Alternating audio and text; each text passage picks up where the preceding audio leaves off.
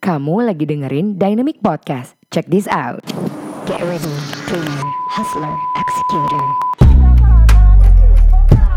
Thank you for listening to Dynamic Podcast. I'm your host Dayang Melati, founder dan juga CEO dari Dynamic Indonesia, sebuah marketing dan branding agency yang membantu para pengusaha, organisasi, hingga personality untuk berkomunikasi lebih baik agar bisa mencuri hati sehingga dapat melakukan transaksi dengan penuh percaya diri. Nah, sebentar lagi kamu akan mendengarkan cerita yang penuh kisi-kisi pelajaran dari seorang pemimpi menuju pejuang yang penuh dengan aksi. Agar segala keinginan gak hanya ke bawah mimpi. This is your Dynamic Podcast. Jangan ke bawah mimpi doang. Here we go. Hi, welcome back people. This is Dynamic live stream interview uh, bersama saya Dayang Mati and you guys are watching the Dynamic uh, live stream interview with content creator. Nah, kali ini nih kita bakal live dengan someone very special all the way from Jakarta. Uh, beliau ini udah menghandle beberapa impactful content karena I think uh, banyak sekali ya kalau konten-konten yang viral tapi konten-konten yang bener-bener ngimpact yang bener-bener kena gitu ke target market kita tuh gimana sih? Nah kita bakal ngobrolin hal itu karena he has so many experiences in many in in in uh, in many platforms. So we are waiting for him to be online. Halo Maudina. Oke okay. yay halo bang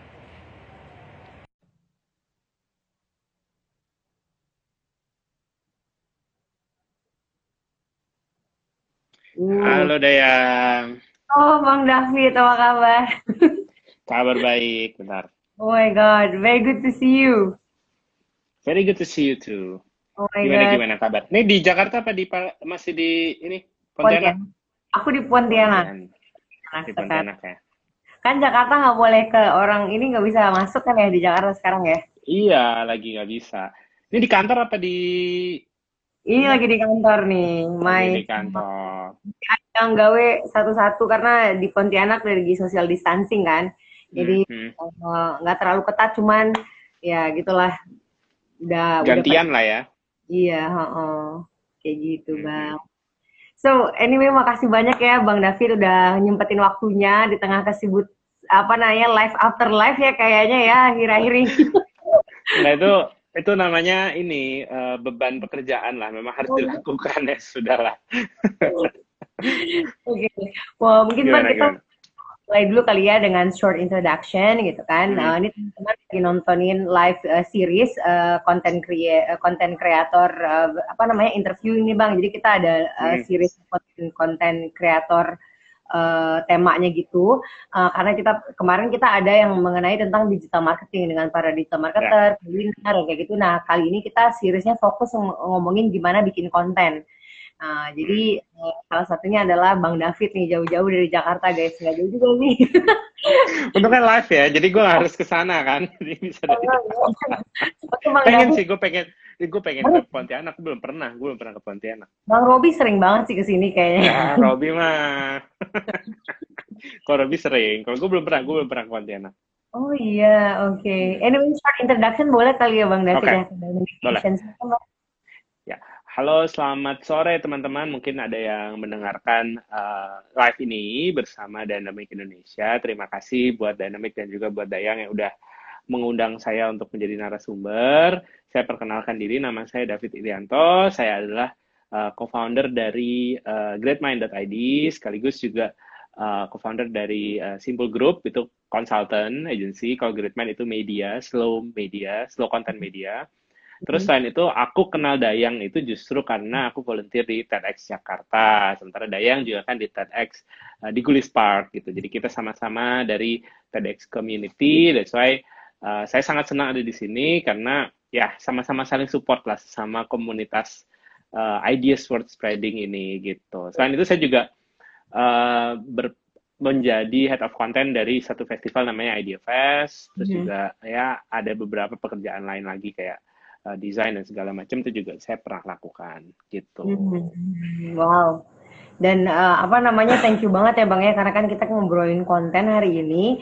Nanti izin ya Bang ini langsung aku upload ke podcast ya Bang ya. Boleh ya? Boleh, boleh. Gila, sip kalau gitu.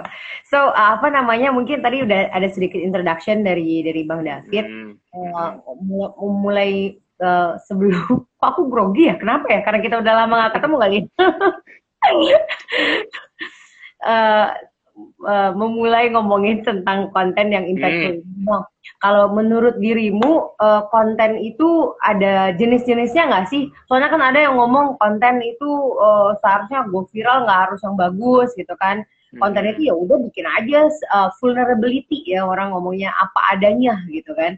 Uh, tapi aku lihat banyak sekali kayak konten-konten yang seperti dirimu bilang di Great Mind yang kayak simple aja gitu kan, tapi itu bener-bener ngena banget gitu loh sedangkan yang di Idea Fest yang kayaknya swag banget gitu kan itu juga keren banget nah kalau menurut Bang David insight Bang David tentang jenis-jenis konten kayak gitu gimana Bang?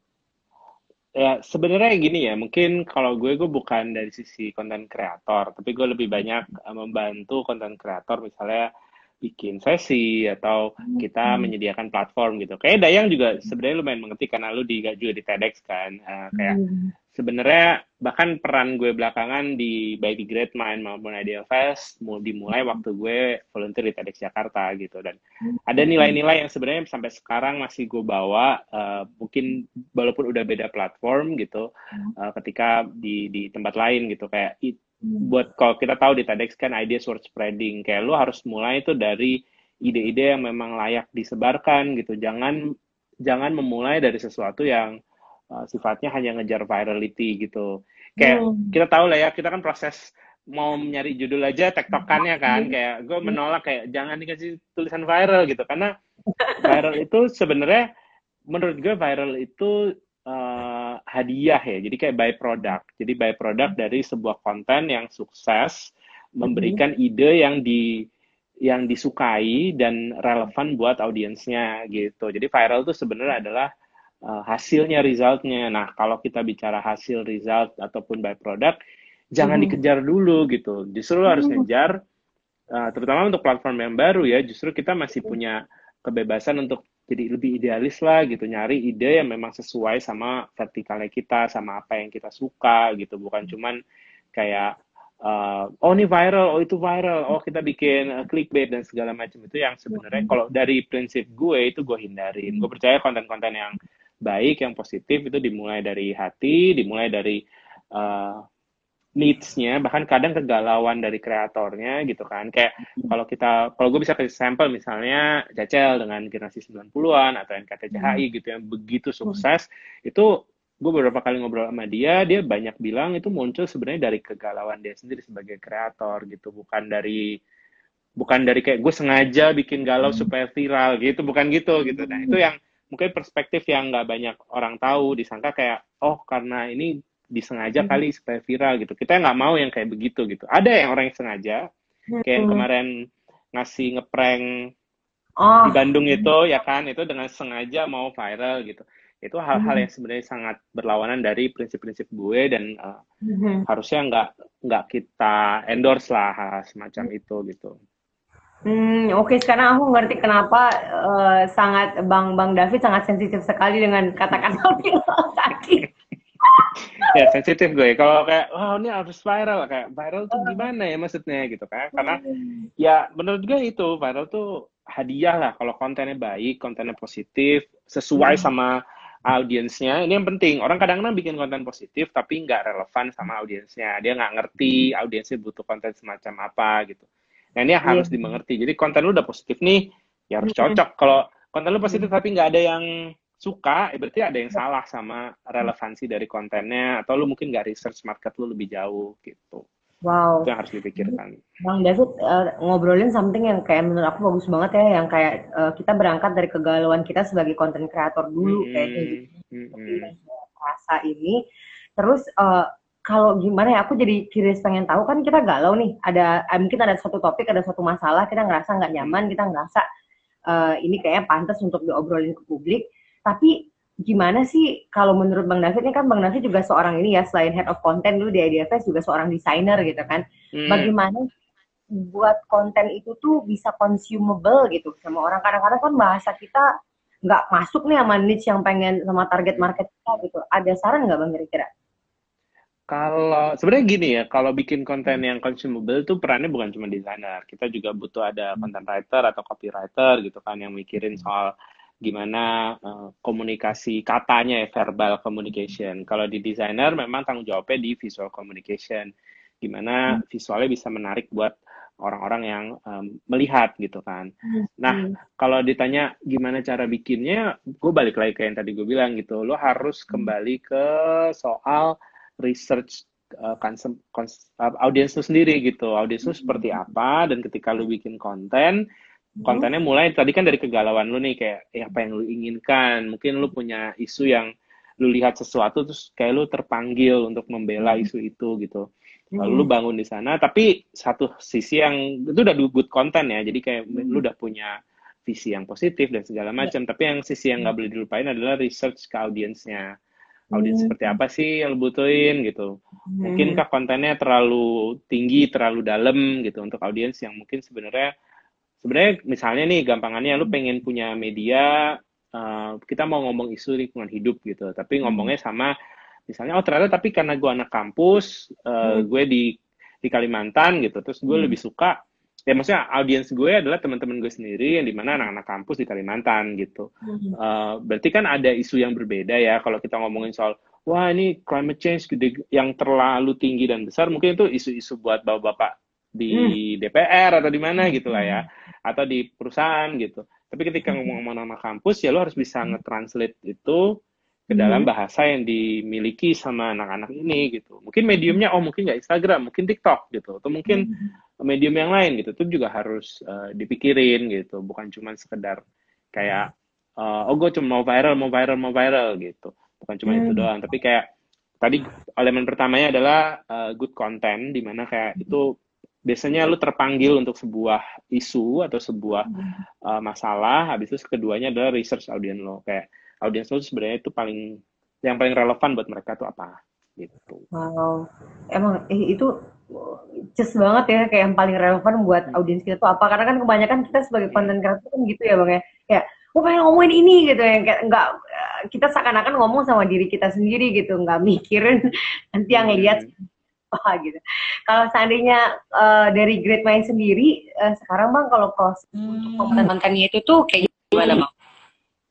Sorry apa? Uh, Sorry gue agak kurang dengar. Proses pembuatan konten Uh, wah, ini langsung ada pertanyaan nih Bang. Bentar ya, Mbak Maudi ya.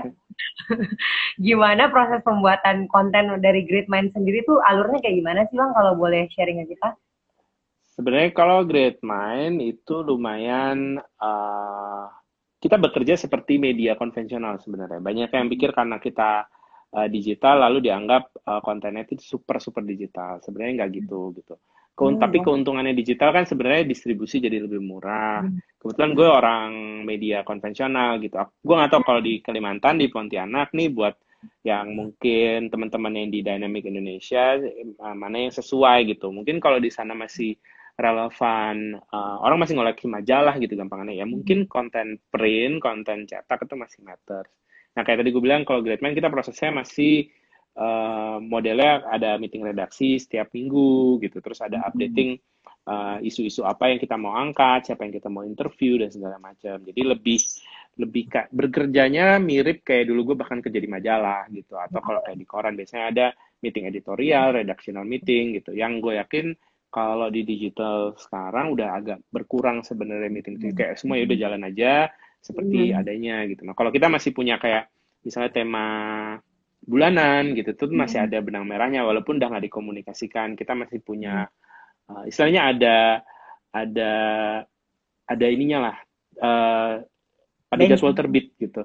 Ya ada jadwal terbit. Kalau kita bicara digital media sering kali digital media itu kayak tiap hari ada. Nah yeah. kalau Great Mind itu seminggu sekali. Jadi kayak kita semacam tabloid gitu lah. Seminggu sekali itu ada ada cycle-nya. Nah prosesnya tuh gitu sebenarnya habis meeting redaksi lalu tim redaksi akan mencari uh, narasumber, berketemu narasumber, uh, akuisisi narasumber, ataupun uh, bertanya sama mereka, ada yang interview, ada yang segala macam proses editorial biasalah, bikin konten, lalu kita publish di website, website kita masukin di Instagram gitu. Yang orang nggak tahu sebenarnya adalah Greatman disangka cuma Instagram doang. Hmm. Padahal lebih dari sekedar Instagram gitu. Kalau Instagram ya ada sampai ke buku gitu. Kalau Instagram ya itu bite size-nya lah. Nah, kayak cuplikan-cuplikan dari apa yang lebih mendalam. Kalau mau lebih tahu ya ini sebenarnya uh, bukan problem ya, tapi lebih kayak kalau seseorang pengen tahu lebih jauh itu memang harus bisa mengkonsumsi yang lebih banyak gitu. Jadi kalau teman-teman kayak merasa, oh gue kok nggak ngerti apa-apa ya kalau konsumsinya Instagram Instagram doang ya kan kecil-kecil ya dikit-dikit ya. Sebanyak-banyaknya konten Instagram nggak akan cukup komprehensif gitu. Kayak live gini deh gitu.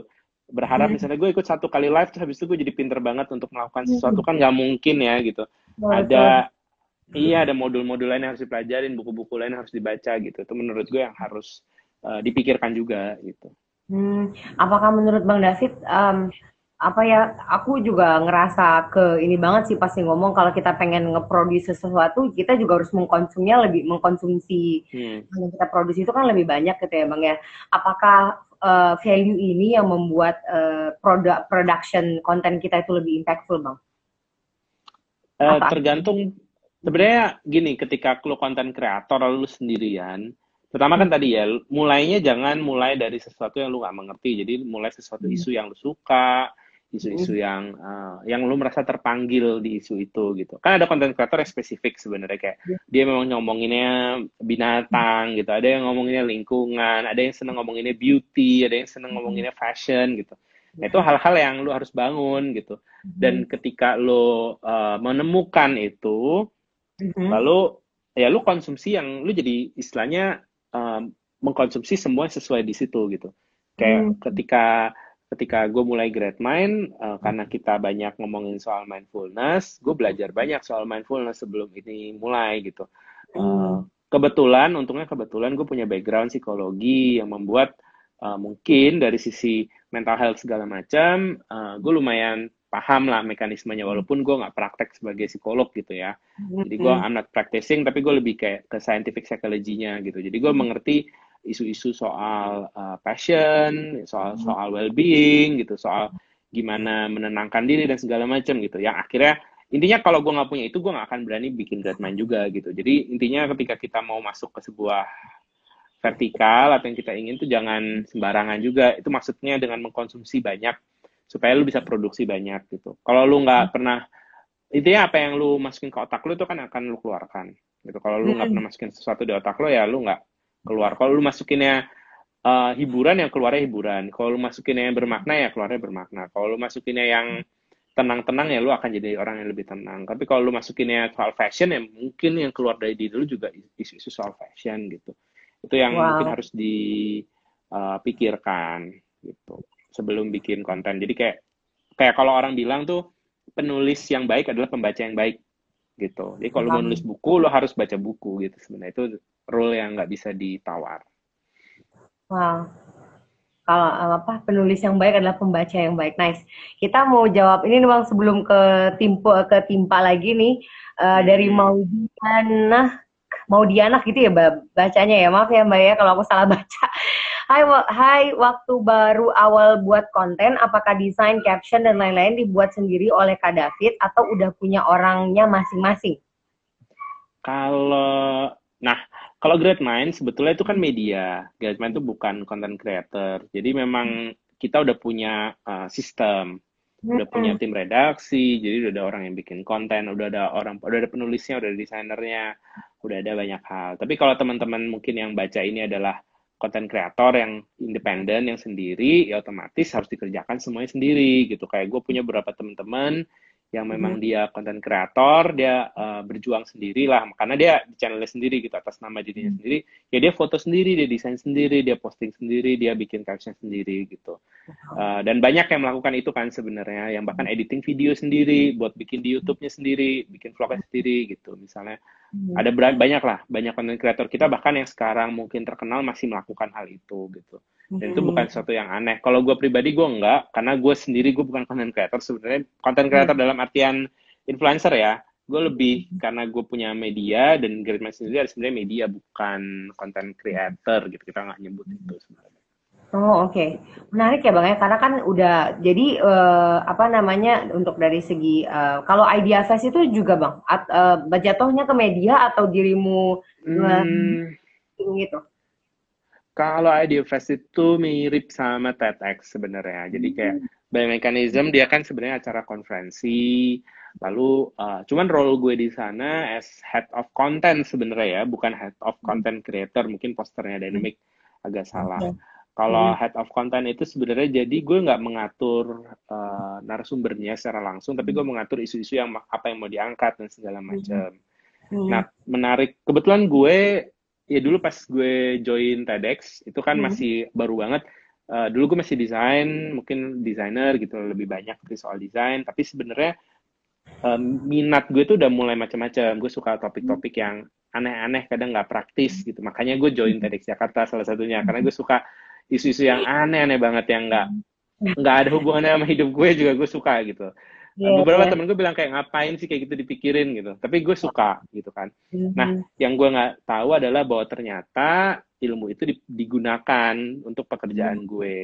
Yaitu ketika gue akhirnya tahun 2017 jadi uh, head of contentnya IDFS nah di sana uh, supaya apa ya spear fieldnya itu jadi luas banget. Kayak gue harus uh, ngobrol sama orang film ngobrol sama orang musik ngobrol sama orang desain arsitektur dan uh, startup uh, digital gitu ngomongin ada isu-isu social movement, social innovation, ngomongin isu lingkungan dan segala macam dan segala macam. Nah ini yang akhirnya skill yang tadinya gue pikir gue cuman iseng-iseng doang, cuman sekedar minat yang gue sukai, akhirnya jadi hmm. kerjaan gitu. Nah hmm. sebenarnya itu ya mulai dari volunteer kalau gue dulu nggak volunteering di TEDx gue nggak akan berakhir di Idea Fest gitu itu sebenarnya oh. dua hal yang menurut gue uh, terkait satu sama lain jadi keinginan lo untuk memulai mungkin teman-teman di sini mungkin kalau audiensnya dynamic mungkin banyak uh, teman-teman di Kalimantan atau mungkin teman-teman di lain yang masih cukup muda gitu kan mungkin mahasiswa mungkin juga uh, pelajar gitu yang pengen uh, memulai karir segala macam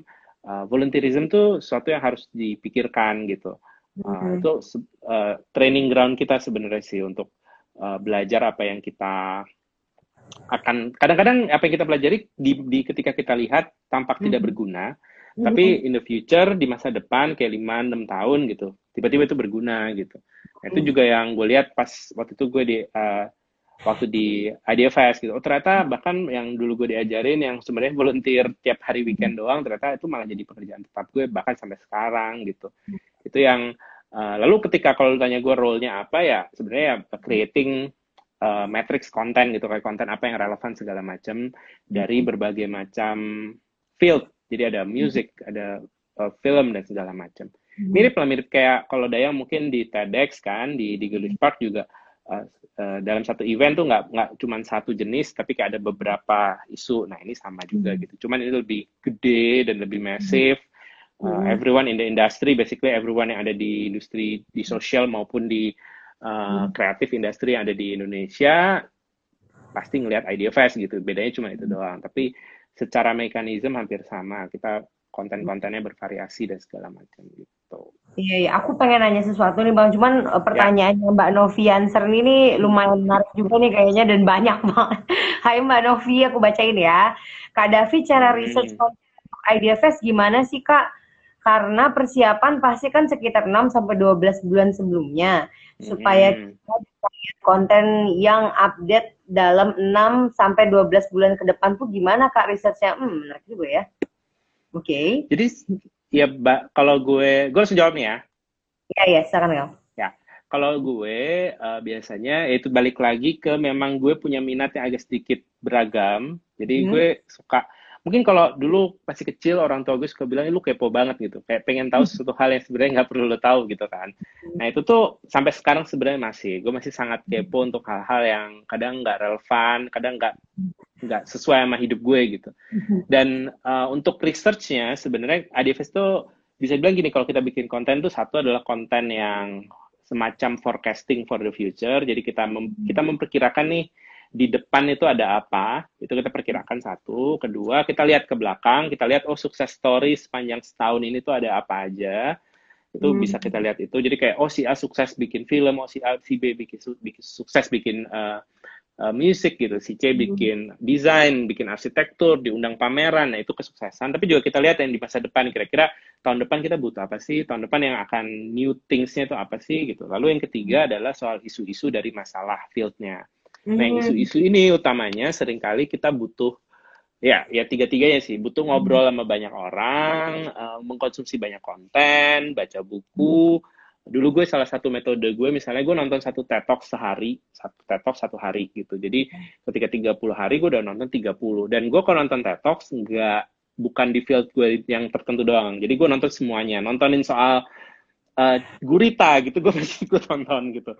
Gue nontonin jadi itu nggak praktis kan kayak ngapain lo mau tahu soal gurita gitu kayak ngapain gitu. Tapi gue suka gitu nonton soal jadi macam-macam dan itu memperluas uh, cara berpikir gue field hmm. uh, apa yang gue pahami gitu. Karena ternyata beda-beda field ini begitu lama-lama lu tonton lama-lama lu bisa mengerti gitu kayak hmm. oh field A ini isunya adalah misalnya arsitektur gitu isunya apa sih misalnya desain hmm. grafis hmm. uh, isunya apa hmm. gitu nah untungnya kalau di di Idea Fest gue dibantu hmm. banget sama network yang Idea Fest sudah punya gitu kan kita punya hmm. namanya Brand Trust itu kayak ada hmm. a panel of expert uh, banyak hmm. banget orang-orang yang idola-idola gue sebelum gue join IDFest gue udah mengidolakan mereka semua gitu ketika gue join jadi head of content gue berdiskusi sama mereka gue kayak ketemu idola-idola gue gitu dan itu yang uh, ketika diskusi sama mereka akhirnya kan ketahuan misalnya oh isu di uh, desain grafis gitu misalnya hmm.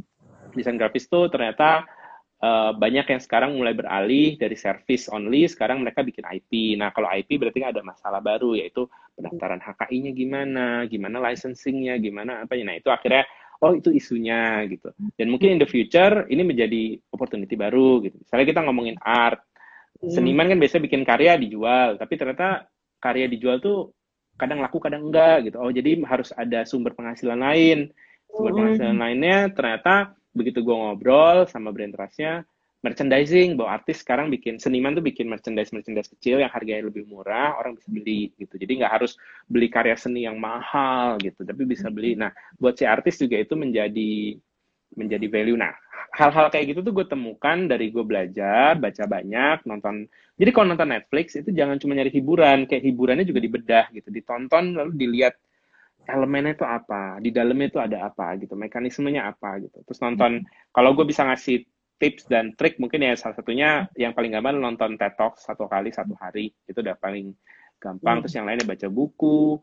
Uh, nonton Netflix, terus dengerin, baca artikel banyak-banyak gitu. Lama-lama hmm. kita punya paradigma tentang fieldnya jadi banyak gitu. Tapi menurut gue nggak semua orang juga seneng soalnya kan pikirannya hmm. dipenuhi dengan hal-hal semacam itu. Ada yang senengnya satu hal aja gitu.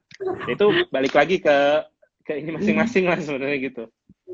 Aku pengen nanya ini nih bang tadi uh, kan apa tuh namanya uh, ini ada dua pertanyaan ya kita dulu sebentar. Um, apa tuh namanya uh, uh, kalau kita ngomongin impact, membuat konten yang impact, berarti kan dia udah merich beberapa orang gitu kan istilahnya ya. Hmm. Dan kebanyakan uh, si konten kreator individual maupun secara organisasi atau media itu tuh uh, mem mungkin mempunyai kesulitan lebih banyaknya itu adalah men mendistribusikan kontennya gitu mah hmm. kayak misalnya konten udah dibikin supaya impactful otomatis kan harus di, dilihat oleh orang kan gitu itu tuh ada trik-triknya menurut abang sama di Idea Fest di Great Mind di Simple dan di TEDx itu apa sih yang paling efektif so far gitu Sebenarnya gini ya, kita bicara sekarang kan mungkin di era influencers gitu kan. Nah sebenarnya hmm. basicnya influencer itu apa sih? Sebenarnya kan word of mouth. Jadi kayak hmm. ketika gue ngasih lu rekomendasi, eh Dayang uh, baca hmm. Great Mind deh. Lalu lu tau, oh Great Mind gitu. Lalu lu baca Great Mind gitu. Jadi hmm. Jangan jangan remehkan juga impact yang lu punya ke uh, circle yang lu udah punya gitu. Jangan mikirin impact yang kejauhan. Maksudnya kayak gue mikirin audiens gue yang kayak berapa ribu audiens di luar sana, sementara padahal temen gue sendiri aja mungkin ada 30-an orang nih gitu dan 30 orang aja ini udah udah lumayan gitu dan bahkan di iya. era sekarang kita ngomongin influencer mereka hmm. ada banyak yang bilang uh, influencer yang micro yang di mana followernya lebih dikit tapi engagementnya lebih besar gitu karena mereka lebih lebih engage dan lebih bisa dipercaya gitu kan jadi jangan mikir impact dari sisi uh, kuantitatifnya tapi dari hmm. kualitatifnya jadi kualitasnya misalnya kayak lu punya 30 orang kalau dia terus menerus merespon dia terus menerus memberikan uh, respon terhadap postingan lo, konten lo gitu kan. Lama-lama itu akan nge-grow gitu. Hmm. Tapi yang itu kita bicara dari sisi kualitas ya, kualitas engagement. Uh, yang salah kan misalnya apa? Lu oke okay, oh follower gue dikit nih gue beli follower A. Nah itu jelas salah karena engagement lu pasti drop gitu kan. Karena lu naikin dengan tidak organik gitu. Tapi ya salah satu mekanisme kalau lu tanya gue oh kita masih kecil apa yang kita bisa lakukan? Salah satunya adalah kolaborasi. Kolaborasi itu ketika ada misalnya dua hal kecil misalnya kolaborasi dua hal ya. Lu bisa kalau lu memang punya networknya lu punya uh, uh, kenalan dan segala macam mereka-mereka platform yang lebih besar terus lu kayak eh kita collab yuk gitu. Hmm. ya kalau lu lebih kecil otomatis bargaining point lu lebih rendah. Ya yang penting hmm. lu bisa diskusi sama mereka. Kalau misalnya akhirnya terjadi kolaborasinya biasanya akan memberikan saling memberikan benefit satu sama lain gitu. tapi kalaupun lu nggak punya kenalan yang kayak oh si A si B si C gitu gue nggak punya networknya lu mulai kolaborasi dari platform yang setara sama lu misalnya kayak teman-teman lu oh gue sama temen gue temen gue punya apa gitu. Lalu ya udah barengan deh sama dia gitu. Nah itu yang jadi kayak misalnya satu seribu satu seribu gitu. Tapi dua kan jadi dua ribu gitu. Dibandingkan misalnya lu aim untuk satu berapa juta follower tapi lu nggak punya networknya juga gitu. Jadi buat buat apa ke sana gitu kan. Menurut gue jadi itu ya satu adalah ngomongin soal kualitas soal uh, lu bikin konten yang baik dan mikirin sebenarnya circle terdekat lo impact yang lu bisa berikan kepada orang-orang yang terdekat. Kedua hmm. adalah soal yaitu kolaborasi. Kolaborasi hmm. sama yang setara dulu aja sama uh, mereka-mereka yang kita within the reach of our network gitu. Yes yes. Se sebenarnya ada beberapa kisah menarik misalnya kayak di Great Mind gitu ya. Di Great Mind itu kita collab kita sebenarnya gede salah satunya dibantuin sama Marcella waktu itu Cecel yang dari NKTCHI. Hmm. Uh, okay. Kita juga terkejut gitu karena waktu itu pas dia uh, repost waktu itu hmm. aku inget follower Gradman masih 8000 atau berapa ya kalau kita ngomongin angka ya. Lalu Cecel hmm. ternyata tapi kita kan bikin ya udah kita bikin sesuai yang kita mau gitu ya. Hmm. Lalu ternyata sama Cecel di repost di NKTCHI hmm. lalu dibilang kayak uh, guys ini konten yang bagus nih terus akhirnya followernya dengan cepat sekali naik gitu tapi hmm. pada titik itu gue bisa bilang jujur, gue pun terkejut karena gue belum pernah uh, ngobrol kayak hmm. gue nggak istilahnya apa ya kalau aja anak sekarang tuh kan paling seneng pansos ya kayak itu belum pernah dilakukan gitu kayak yeah. gue juga belum pernah memohon gitu atau apa cuman kayak terus abis itu seingat gue baru beberapa kayak beberapa bulan kemudian ya memang ketika isunya pas kita nginterview Cecel juga gitu kita interview Cecel kita Cahai kita interview tapi kita waktu itu terkejut kayak wow ternyata mungkin memang uh, dan dan dan Cecel tuh salah satu yang kayak begitu yang kayak kalau lihat kontennya bagus dia nggak peduli hmm. lo siapa hmm. dia akan dukung hmm. gitu dan sebenarnya banyak influencer yang sebenarnya platform platform lain yang begitu juga gitu jadi dia hmm. nggak mempedulikan sekedar oh, follower masih dikit lah oh terus lu siapa gitu nggak mempedulikan hal itu gitu wow. jadi ya menurut gue itu nggak perlu jadi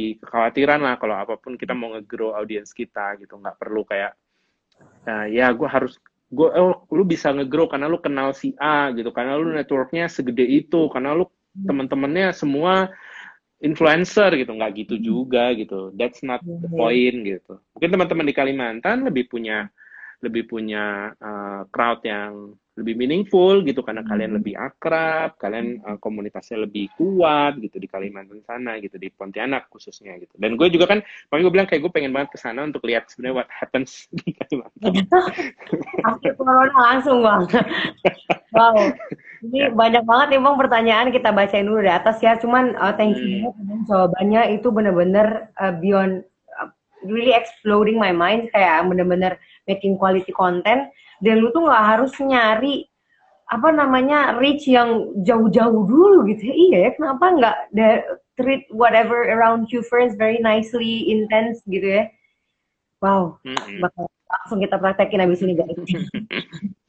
This is good. Oke okay, ini tadi kayaknya di atas ada pertanyaan. Aduh mana ya? Oh ini ada ini bang. Oh katanya uh, bangga nih sama bang David. Halo bang Jensen gue bangga sama Jensen justru. Ini salah satu uh, speaker di Idea Fest kemarin. Nah, wow. Jensen ini punya, iya dia ketuanya asosiasi uh, fitness dan uh, pelatih kebugaran. Oh wow. Hebat nih. Uh -uh. Wow, nice. Halo Bang, salam kenal. Ini, uh, oke okay, kita langsung dari pertanyaan ini. Uh, mana ya? Oke okay, Kak, bagaimana cara memfokuskan passion kita yang beragam? Oke, okay, oke okay, ini juga hmm yang beragam dan kadang nggak relevan supaya energi kita bisa lebih terfokus and skill kita nggak setengah-setengah. Wah ini benar-benar hmm. problem sejuta umat nih. problem generasi lo, anak-anak seumur lo nih. Oh, ya. lah, gue gue juga punya masalah itu, gue juga punya masalah itu bahwa ada ada isu-isu kayak kayak BM gitu ya, kayak banyak mau ya, hmm. maunya A, B, C, D, semua mau dikerjain gitu ya Dayan ya. Uh, ya sebenarnya balik ke sense priority gitu. Enggak, maksudnya kalau di TEDx itu ada satu TED Talks yang bagus ngomongin soal multi potential life. Multi hmm. potential itu bagus banget sebenarnya TED Talks-nya. Kalau mau nonton dicari ya nanti ya. Search yeah. aja multi multi potential life gitu nanti itu muncul. Hmm. Itu buat orang-orang yang sebenarnya uh, nggak punya satu kedalaman, tapi senangnya banyak field. Ada orang-orang yang kayak begitu. Dan sebenarnya nggak apa kalau lu memang bisa. Tapi ya resikonya kalau lu memang kayak gitu orangnya, tipe orang yang pengen fieldnya banyak tapi nggak dalam, resikonya ya mungkin lo nggak bisa mencapai teman-teman lo yang bisa satu tapi dalam gitu. Karena itu biasanya berakar kuat, lalu dia benar-benar bisa apa ya hasilnya tuh kelihatan banget gitu. Kalau lu bisa di satu dan dalam gitu. Bayangkan lu ngerjain satu pekerjaan 10 jam per hari gitu misalnya. Dibandingkan lu ngerjain dua apa 13 pekerjaan tapi cuma sejam sejam sejam sejam sejam gitu ya. Otomatis yang 10 jam per hari mungkin akan jauh lebih impact up. Hasilnya itu akan jauh lebih lebih luar biasa gitu. Tapi bukan berarti yang yang ngejainnya dikit-dikit dikit-dikit tapi banyak ini juga terus jadi perlu galau dan perlu kayak oh kok gue nggak kayak yang lain ya Gitu. Yang yeah. penting lu mengenali diri lu sendiri. Kalau lu memang tipe yang uh, lebih luas tapi mungkin hmm. nggak dalam, apa-apa juga gitu. Karena gue juga menyadari gue juga kadang-kadang agak kayak begitu. Kalau hmm. ditanya terus uh, gimana kita itunya ya balik lagi ke prioritas. Kayak lu begitu lu hmm. mengenal diri lu sendiri, next stepnya adalah lu bayangkan diri lu nih apa di beberapa tahun ke depan. Jadi hal-hal yang banyak itu pun biarpun banyak tetap harus lu fokuskan arahnya itu yang mana gitu. Uh, dan kalau gue mungkin kalau gue nggak tahu usia lu dayang, dayang atau mungkin hmm. teman-teman tadi mungkin yang nanya juga yang masih sangat uh, muda gitu ya. Menurut gue coba aja toh uh, kalau salah masih banyak waktu kok untuk mengulang hmm. kesalahannya gitu. Oh. Dibandingkan iya So, karena semakin lu punya umur gitu ya, semakin uh, naik umur lo, kesalahan-kesalahan itu semakin berkurang. Uh, kayak diperbolehkan salahnya tuh makin lama makin berkurang gitu. Hmm. Kalau kalau makin muda masih muda tuh kayak kalau salah ya udah nanti diulang lagi. Oh kalau salah ya udah hmm. diulang. Tapi begitu lo makin hmm. tinggi, misalnya kayak usia makin bertambah, bisnis lo makin gede, uh, terus lo juga mungkin secara uh, kayak kredensial lo makin naik gitu, makin susah kok lo bikin salah sekali aja bisa jadi meruntuhkan segala hal yang udah lo bangun gitu. Jadi keuntungannya mereka-mereka yang baru mulai coba aja kalaupun akhirnya salah okay. Ya udah uh, uh, move on bikin lagi yang baru toh lu masih punya banyak waktu di dunia untuk uh, mencoba hal-hal baru lagi tapi uh, yang gue bilang maksudnya gitu kayak hmm. kenali dulu lu sebenarnya generalis yang kayak mau semuanya bisa tapi tipis atau lu yang maunya dalam tapi spesialis di satu hal aja sampai sampai detail sampai ngelontok gitu. Once lu udah mengenali diri lu seperti apa, terima, habis itu hmm. bayangkan diri lu ke depan lalu lu bisa set up prioritinya di mana. Karena biarpun lu generalis, lu pasti akan memilih satu dua topik yang paling lu suka. Misalnya nggak nggak ada lah orang yang punya 10 minat. Kayak gue deh, gue punya minat jadi biologis, tapi bukan berarti gue terus jadi Uh, gue mak tertarik sih peneliti peneliti burung cendrawasih gitu kan. Gue punya keinginan itu. gue punya keinginan menjadi peneliti burung cendrawasih. Tapi ya tapi ya ada realitas-realitas yang akhirnya gue pikir kayak oh ya udahlah gue jadi desainer hmm. terus gue uh, belajar psikologi gitu hal-hal yang uh, beda lah gitu tapi bukan berarti hmm. kayak tapi bukan berarti gue nggak suka nonton dokumenter burung cendrawasih itu dokumenter favorit gue Oh, Kalau ngomong burung cendrawasih sama gue, gue lumayan paham. hmm, hmm, Oke, okay, this is something new. Ada tetoknya juga nggak nih? uh, gue belum pernah lihat yang burung cendrawasih, tapi ada BBC Earth kalau nggak salah itu bagus banget episode yang di uh, Papua. Nanti gue bisa kasih link. Aku sejauh ternyata beneran ya. ya. Aneh banget gue, gue memang aneh banget. kalau dengan kayak gitu kan lu ngobserve belajar banyak banyak banyak hal ya bang ya maksudnya dari jangan dari baca buku, dari belajar TED gitu kan. Um, apa tuh namanya? berpengaruh nggak sih itu ke intelektual kita sehari-hari gitu? Hmm, nah intel, intelektual tuh ya intelektual tuh hal yang rumit menurut gue. Ada satu TED-nya baru di baru dirilis itu uh-huh. soal IQ, soal penghitungan uh-huh. IQ bahwa ternyata itu nggak valid. Itu tuh kayak uh-huh. alat yang dipakai ribuan tahun lalu gitu. Jadi kalau lu sekarang bilang, "Oh, IQ gue sekian, maka gue jenius" gitu. Mohon maaf, anda hmm. tidak secara saintifik itu tidak benar gitu. Dia oh. bisa memprediksi beberapa hal, tapi hmm. makanya ketika bicara intelektual, uh, eh, gue nggak yakin itu menjadi hal yang penting gitu sebenarnya. Hmm. Kalau tadi lu bilang kayak kalau lu belajar lebih banyak, apalah hmm. fungsinya lu naikin intelektual atau enggak? Mungkin nggak begitu, bukan soal intelektual, tapi soal apakah lo uh, memperluas wawasan, membuka membuka paradigma lo gitu loh bahwa uh, ada hal-hal yang luar biasa berbeda sama kita di luar hmm. sana. Ada hal-hal yang lu nggak sangka-sangka ada di luar sana gitu. Kadang-kadang uh, dengan mempelajari banyak bidang itu yang gue tangkap gitu. Oh ternyata begitu luar biasanya ya. Oh bahwa kan malah justru kayak instead of melihat kayak oh gue jadi lebih pintar malah kayak oh justru gue lebih bodoh gitu oh ternyata ada banyak hal yang gue nggak pahami di luar sana oh ternyata gue ini insignifikan gitu gue tuh hanya sebutir debu di alam semesta ini gitu karena ternyata besarnya begitu luar biasanya gitu ada teman-teman yang uh, achieve begitu banyak hal dan segala macam nah itu yang menurut gue justru proses kita semakin menangkap banyak pengetahuan membuat kita semakin jauh harusnya jauh lebih humble gitu dibandingkan hmm. kayak mikirin oh gue jadi lebih pintar gue jadi intelektual gue jadi lebih smart ass gitu menurut gue itu kebalikannya the other way around Wow, oke. Okay. Tadi ada yang nanya bang, uh, macam hmm. itu warna. Nah, kalau dia kalau dia nanya gitu, gue nanya balik cendrawasinya jenis mana? Cendrawasih itu banyak jenisnya. Yang lu tahu cuman yang bulunya warnanya warnanya merah gitu. Dan merah pun ada dua. Jadi yang bulunya gitu tuh ada satu warna merah, satu warna kuning. Itu beda spesiesnya ada yang bulunya gitu ada yang ada yang warnanya agak gelap beda-beda warnanya jadi kalau dia tanya berapa jumlah bulunya gue tanya balik spesies apa ayo lo ditantangin lo nah kita balik lagi nih ke mindsetnya uh, ketika kita mau bikin konten ya bang ya uh, hmm. sering kali terjadi namanya uh, gue nyebutnya mind hazard gitu ya kayak there are so many things kita misalnya udah mau concern saya ngomongin masalah lingkungan gitu kan apalagi pas waktu yeah. kita kurasi uh, speaker untuk TEDx gitu kan pasti uh pengen hmm. pengen semuanya gitu yang diiniin gitu kan hmm. hmm. terus uh, apa namanya akhirnya bingung gitu yang kayak oh gue harus banyak banget yang ada di ini di otak kita terus pengen semuanya dijadiin kenyataan um, gimana ada nggak sih bang cara atau jalur atau pattern berpikir uh, yang yang apa ya bisa dibilang lebih efisien gitu biar biar nggak hmm. main hazard ujung-ujungnya kan kalau udah kayak gitu, oh gue bingung, ah yaudah ntar aja gitu kan akhirnya procrastinate gitu kan. Kalau dari dari pengalamannya Bang David sendiri apa tuh Bang?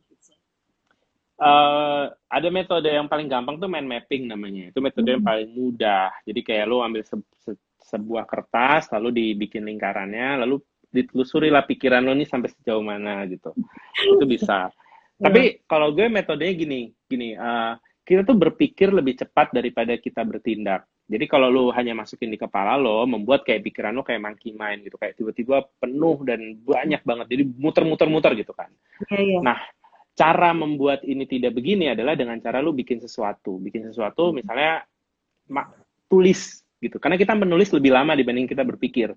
Mm. Itu kayak ya, pikiran lo tadinya lagi misalnya dia di kecepatan 100 km per jam, nulis lo cuma 10 km per jam. Jadi dia harus menyesuaikan apa yang lo tulis. Dengan begitu itu memperlambat jadi apa yang tadinya lu pikirkan begitu, kayaknya kayak gede banget, kayaknya banyak banget, kayaknya ini banget. Begitu lu tulis, terus lu runutin gitu kan. Akhirnya lu menyadari bahwa, oh ternyata nggak sebesar itu dan nggak serumit itu, nggak sejauh itu gitu. Ya, nah itu yang yang kadang-kadang orang lupa. Makanya kalau gue biasanya kalau gue udah mulai kusut banget, yang gue lakukan, gue sekarang udah nggak nulis by the way, gue udah hmm. jarang banget nulis, tulisan gue udah jelek banget.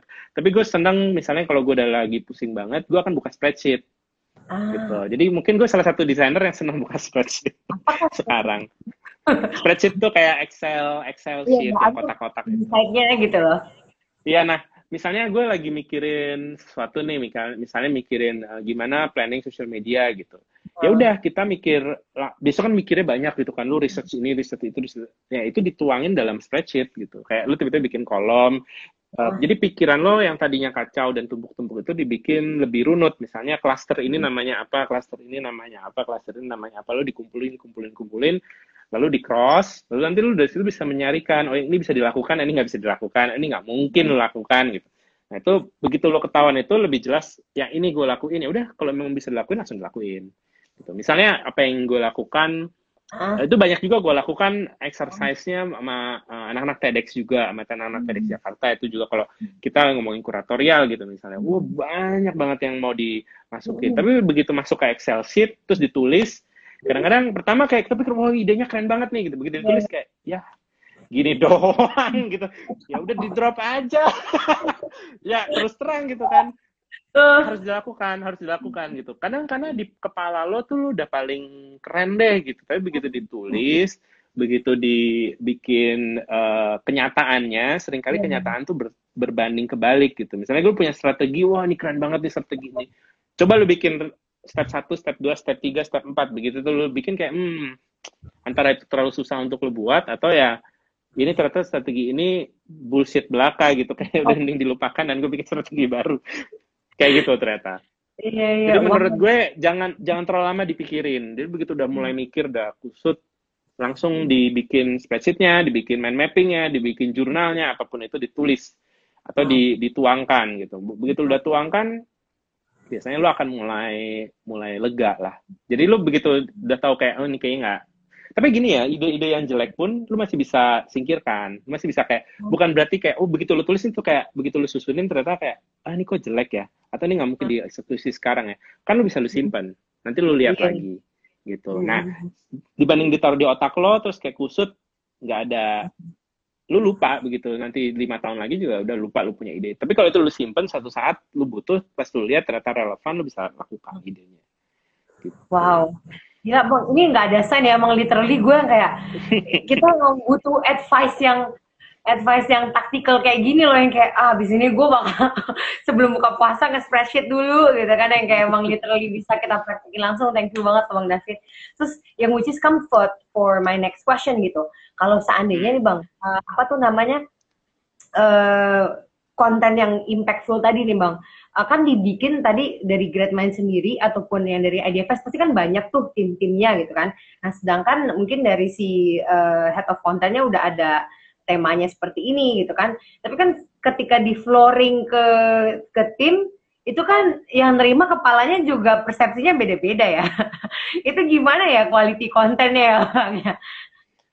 Apa ya maksudnya kalau kalau gini dulu gue tipe yang apa apa mau gue kerjain sendiri memang kayak hmm. idealisme tinggi langit kayak apa apa gue kerjain sendiri tapi gue belajar uh, kalau lu kerjain sendiri hanya sebanyak banyaknya lu cuma punya 24 jam sehari gitu tapi kalau itu dikerjain berdua aja gitu hmm. waktu lu jadi 48 jam kalau lu mau hmm. seharian kerja ya yang gue nggak advice jadi butuh tidur guys jadi jangan oh. seharian kerja tapi menurut maksud gue gitu kalau sebanyak-banyaknya lo mau kerjain lo hanya punya 24 jam sehari gitu jadi hmm. kalau yang lo tangan dan dan se, akhirnya membatasi seberapa besar yang lo hmm. akhirnya bisa tanganin gitu misalnya hmm. tadinya oh kalau gue nanganinnya cuma lima pembicara ya mungkin cukup gue kerjain aja sendiri nggak usah ada orang-orang lain yang membantu gue tapi ketika dia uh, bentuknya adalah uh, oh ternyata pembicaranya sampai berapa puluh gitu sesinya ada hmm. ratusan ya otomatis gue butuh orang nah ini penting namanya uh, delegasi namanya kayak uh, pendelegasian terus juga hmm. penting juga namanya transfer of knowledge jadi uh, hmm. jangan ditahan di diri lu sendiri kalau lu punya jadi apa pun yang di dalam ini intinya adalah apa pun di dalam kepala lo harus dalam bentuk udah muncul udah keluar gitu jadi tim lo kan nggak bisa membaca apa yang dalam kepala lo huh? tim lu tuh nggak bisa baca apa yang di dalam kepala lo. Kayak gue mau oh mau mau desainnya gini gini gini gini. Kalau itu nggak real tim lu nggak akan ngerti gitu. Kayak gimana maksudnya? Hanya di dalam diskusi ini doang gitu. Kalau perlu dibikin briefingnya dibikin dokumennya lalu dikasih tahu ini ya kalau lu bingung lu baca lagi. Kalau lu bingung lu lihat lagi gitu. Ini caranya ini mekanismenya gitu. Nah itu yang perlu dilakukan sebenarnya. Dan uh, dan namanya tim pasti ya ada perfect maksudnya perfeksionis perlu tapi menurut gue lebih penting adalah uh, maju bareng-bareng gitu apa mengerti hmm. bersama-sama dikerjain bareng-bareng dibandingkan lu perfeksionis sendiri gitu karena seperti tadi gue bilang kalau lu perfeksionis sendiri dan mungkin selama bertahun-tahun lu mengerjakan itu sendiri uh, hmm. mungkin yang lu kerjain nggak nggak terlalu besar sampai akhirnya bisa lu kerjain hmm. sendiri gitu karena hal yang besar nggak hmm. bisa lu kerjain sendiri lu butuh bantuan hmm. orang untuk ngangkat gampangannya kayak hmm. kalau lihat batu di jalan nih kalau batunya kecil lu bisa langsung angkat, tapi kalau batunya segede-gede gambreng, lu butuh bantuan satu kampung untuk bantuin ngangkat itu. Jadi kalau lu bilang kayak, oh impact gue gede banget, tapi semua mesti lu kerjakan sendiri, mungkin hmm. impactnya tidak sebesar itu. Mungkin yang lu kerjakan bukan hal yang besar. Ya, hmm. lu masih bisa kerjain sendiri, itu lu nggak butuh orang-orang lain. Nah ini yang merubah paradigma gue bahwa pada akhirnya memang gue butuh tim, gue butuh orang-orang yang akan ngebantu gue kalau masalah standar nggak sama ya tadi kayak gue bilang kita bisa uh, bikin SOP, bikin uh, walkthrough gitu, uh, bisa ngajarin mereka. Uh, karena yang kayak tadi gue bilang daripada lu kerjain sendiri sempurna, mendingan tidak terlalu sempurna tapi dikerjakan bersama-sama gitu. Itu uh, yang belakangan gue pikirkan gitu. Jadi uh, karena overtime, karena yang lu inginkan pada titik tertentu nih, misalnya lu kerja sendiri, pada satu titik yang lu kerjakan tuh kayak udah maksimal karena tadi lu sampai pemainnya 24 jam, energi lu terbatas, pengetahuan lu terbatas. Kalau lu mau naik lebih tinggi lagi, lu udah butuh orang-orang lain. Gitu. Nah, hmm. proses proses transisi ini tuh harus harus lo harus merelakan memang banyak hal bahwa transisinya harus uh, ya harus bareng-bareng lebih penting karena begitu udah lewat gapnya hmm. nanti udah naik lebih tinggi lagi lo akan bisa melihat bahwa sebenarnya tim lo udah bisa melakukan banyak hal sering kali kita nggak percaya aja sebenarnya sih kitanya yang hmm. kekurangan rasa percaya sama tim kita gitu kan kayak hmm. oh dia kok gini ya dia kok gitu ya gitu uh, kualitasnya kok buruk lebih jelek dan segala macam padahal sebenarnya yang lebih jelek mungkin menurut kita tapi buat audiens kita mungkin sudah cukup baik lo harus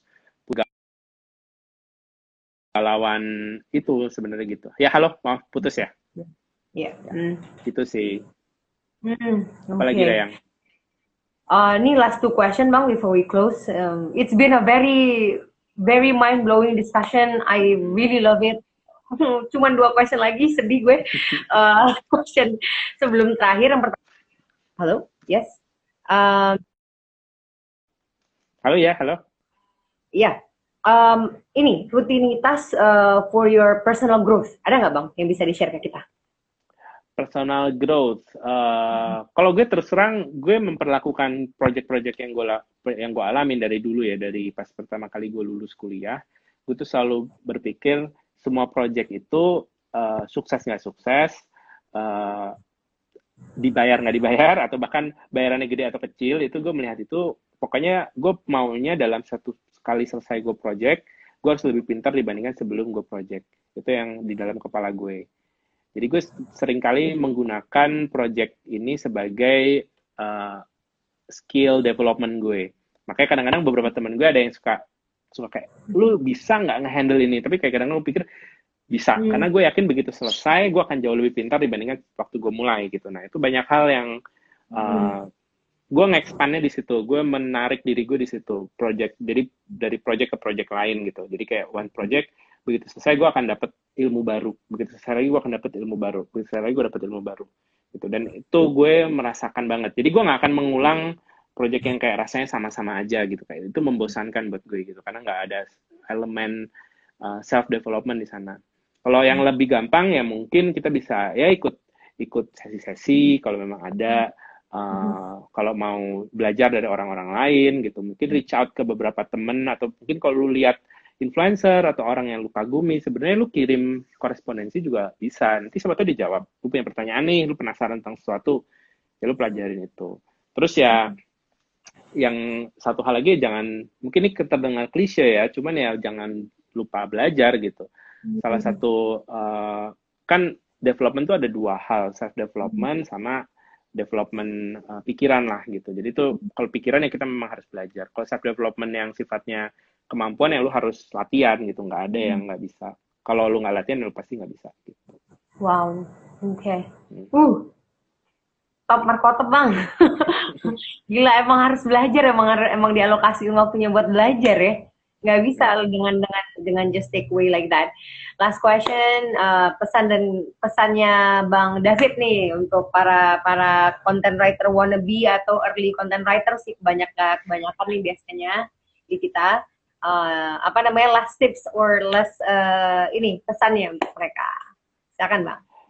Iya kalau di kalau buat uh, yang mungkin membuat konten ya, maksudnya dari studio mungkin kayak Dynamic atau mungkin teman-teman di Kalimantan ada yang tertarik gitu untuk uh, masuk ke terjun ke dunia konten ya memang konten itu kan banyak hal, banyak banget, luas banget. Jadi kita hmm. harus, kalau kita konten kita sendiri, otomatis kita harus tahu punya vertikal yang jelas. Kayak, hmm. oh gue desain, gue mau ngomongin soal desain. Oh gue mau ngomongin mindfulness atau mental health. Oh gue mau ngomongin lingkungan, atau gue mau ngomongin feminisme atau apa atau apa pun juga gitu. Jadi lu punya itu yang jelas. Lu mau ngomongin fashion atau beauty atau apa gitu.